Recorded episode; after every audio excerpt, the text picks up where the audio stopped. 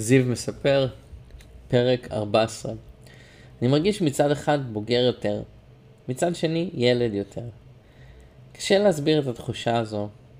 האם זה מדאיג אותי שההצלחה במוזיקה כרגע זה לא מה שהכי חשוב לי? כן, אולי קצת. אבל אולי זה נובע מהרצון פשוט לדעת מה זה לחיות בעולם הגדול ולהיות חלק מהאנרגיה של העיר המטורפת הזאת. אני רוצה לחוות את זה על בשרי, את הרובוטיות הזאת, השקרה הזאת של העבודה. כשאני נוסע ב subway ורואה כולם עם הכוסות סטארבקס שלהם, שותים את הקפה, וחושבים בראש כמה הם חדים, מתכננים את היום יום שלהם לפרטי פרטים ויודעים בדיוק מה לעשות. הרגשת הביטחון שאני מרוויח את כספי ביושר וחוזר לבית שלי, למיטה שרכשתי מכספי, ויושב על הלפטופ שמונח על השולחן שלי. אולי זה נראה סתמי, אבל יש לי רצון לחוות את ההרגשה הזאת כלפי עצמי ולהיות חלק מהשגרה הזאת בניו יורק. כשכתבתי הצלחה במוזיקה התכוונתי להופעות, הקלטות, לשיווק עצמי, במדיה החברתית וכדומה. אבל אני לא יכול לעשות את כל הדברים האלו, עד שיש לי את הכסף. לכן, בזמן הזה אני אתאמן, אחסוך כסף בצד להקלטות באולפן, אלחין ואעבד. ואהיה במין זון מאוד אישי שלי, שבו אני בונה את העתיד. כמובן שאם אזדמן, אז אפרסם במדיה החברתית, זה לא שאני מזניח את זה לחלוטין, אני פשוט לוקח את זה באיזי.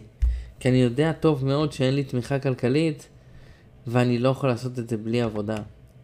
אין מה לעשות, זה המסלול שבחרתי לעצמי, וזאת הדרך היחידה להצלחה האישית שלי.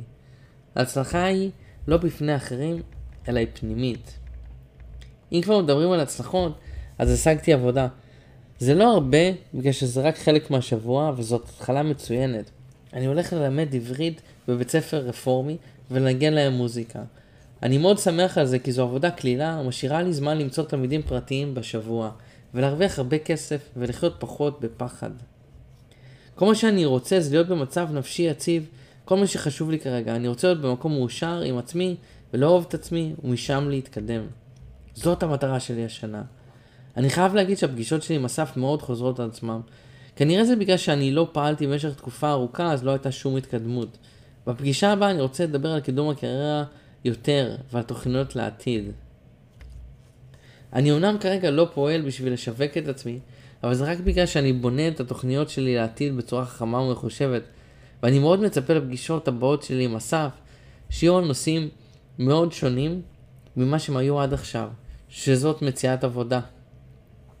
אני רוצה לדבר איתו על איך לקבוע טורים, איך לקדם את ההרכב, ומה הכי עושה רושם טוב על אנשים כשעובדים על הקשרים. אני מצפה לזה בכיליון עיניים, ואני רואה את התקופה הקרובה כמשהו מאוד קריטי בחיים שלי, כמו התקופה הקודמת. זה מצחיק, שכל תקופה בחיים שלי כרגע היא קריטית בחיים שלי. האינטנסיביות לא מפסיקה לרגע.